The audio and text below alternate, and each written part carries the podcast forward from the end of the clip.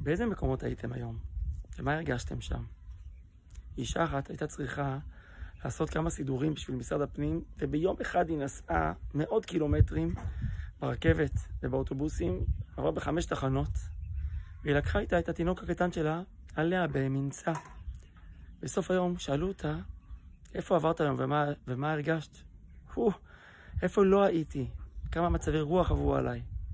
אם היינו שואלים את התינוק שלה, תגיד חמוד, איפה אתה היית היום ומה הרגשת?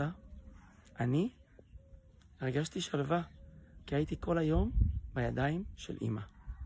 זה החוויה שלו. בפרשה שלנו, יעקב אבינו יוצא למסע מסובך, יורד מהארץ לבדו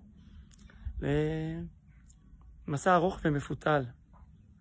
ויש שתי מילים בתחילת הדרך שלו, שאני מציע לנו לאמץ אל ליבנו, במיוחד בימים האלה. ויפגע במקום. מה זה לפגוע במקום? חז"ל פירשו, הוא התפלל. הוא פגש, פגע, הוא פגש את המקום ברוך הוא. את הקדוש ברוך הוא. הוא פגש אותו בתפילה. למה לקרוא לאבא שבשמיים מקום? למה הוא נקרא מקום? כי דווקא בימים קשים, אם אדם מרגיש שאיפה שאני לא נמצא, אני כמו אותו תינוק שנמצא במקום. הוא המקום שלי.